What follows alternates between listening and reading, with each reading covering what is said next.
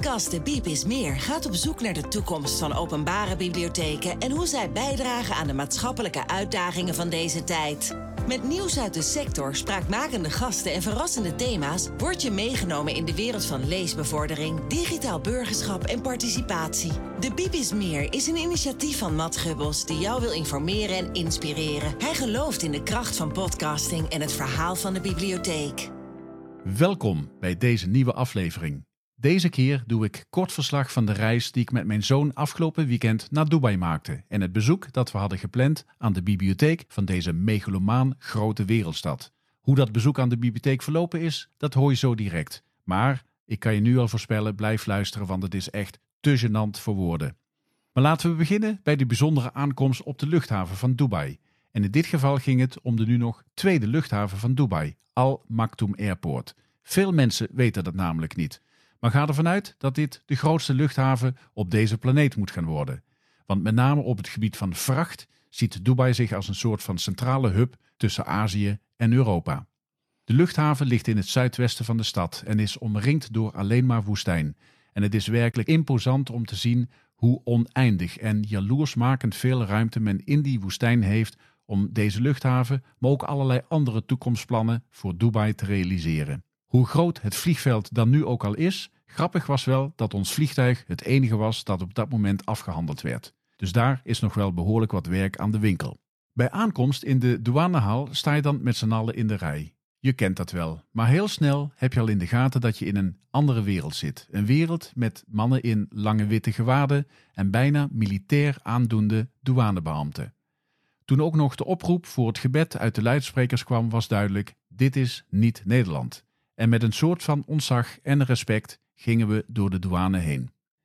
In ons paspoort zat een dik stuk karton geklemd en bij aankomst in het hotel bleek dat dit een simkaart was van een van de twee telecomaanbieders in Dubai.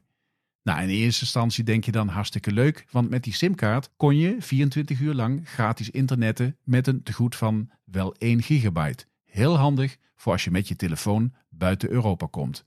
Maar bij het activeren van de simkaart kwamen we achter iets heel bijzonders. En dat verklaarde een beetje waarom de douane er best wel lang over deed om ons het land in te laten. Die simkaart die bleek namelijk gekoppeld te zijn aan mijn paspoortgegevens. Nou, dan zou je afvragen van, hoe weet je dat dan? Nou, heel simpel. Voor het valideren van die simkaart moest ik namelijk mijn geboortedatum invullen. Mijn exacte geboortedatum. Nou, dat heb ik dus keurig gedaan. En toen kwam er een sms'je terug, waarin ik werd begroet als Mathieu. En dat klopt inderdaad, want in mijn paspoort heet ik nog steeds Mathieu, terwijl iedereen mij kent als Mat. Ik heb geen flauw idee wat de Dubaiaanse overheid nu aan gegevens over mij heeft verzameld. Ik heb verder niks te verbergen, maar voor mijn zoon was het in ieder geval reden om me af te zien van het gebruik van zijn simkaart. Nou, voor de mensen die nog nooit in Dubai zijn geweest, ja, het klopt. Het is een megalomaan grote stad. Ik ben zelf al op veel plekken geweest, maar Dubai is echt een gevalletje van groot, groter, grootst. Het kan niet op. En dat geldt niet alleen voor de gebouwen zoals de Burj Khalifa en het Palmeiland dat ze in de Arabische Zee hebben opgespoten, maar dat geldt ook voor winkelcentra, de wegen, de auto's die er rijden en de metrostations. Ook de afstanden tussen toeristische attracties zijn van een totaal andere orde dan in wereldsteden zoals Rotterdam en Amsterdam, waar we dat allemaal op de fiets of wandelend kunnen afdoen. En waar thuisbezorgd.nl in Nederland op scooters rondrijdt, daar zie je ze in Dubai met hun motoren over de snelweg razen. Nou, om een lang verhaal kort te maken, je moet er echt een keer geweest zijn om de grootsheid en grootheidswaanzin van deze stad te ervaren. Maar naast zon, zee en strand is er ook op het gebied van de cultuur echt genoeg te beleven. We waren behoorlijk onder de indruk van het Museum voor de Toekomst, waar je vanuit verschillende perspectieven kunt ervaren hoe ons leven in 2071 en verder eruit zou kunnen zien. Ook dit gebouw is gigantisch groot, maar vooral ook door de vorm indrukwekkend. Kijk vooral in de show notes van deze aflevering voor de link naar deze mooie attractie.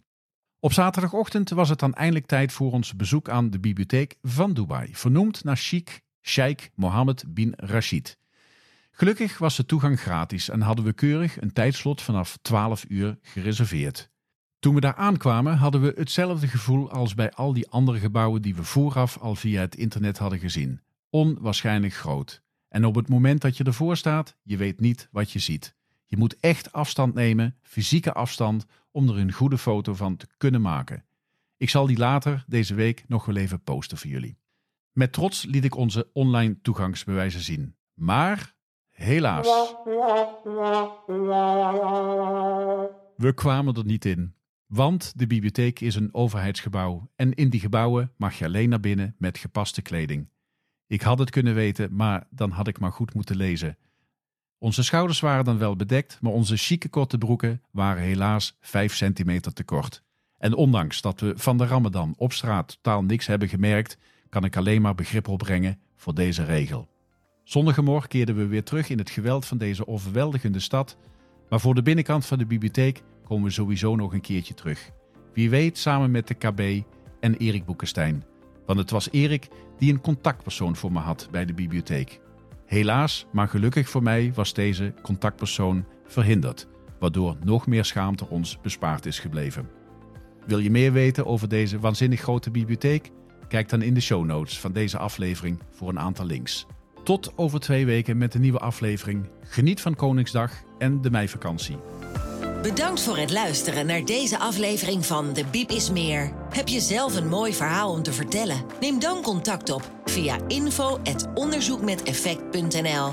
De Biep is Meer is een initiatief van Matt Gubbels. Hij gelooft in de kracht van podcasting en het verhaal van de bibliotheek. Graag tot een volgende keer.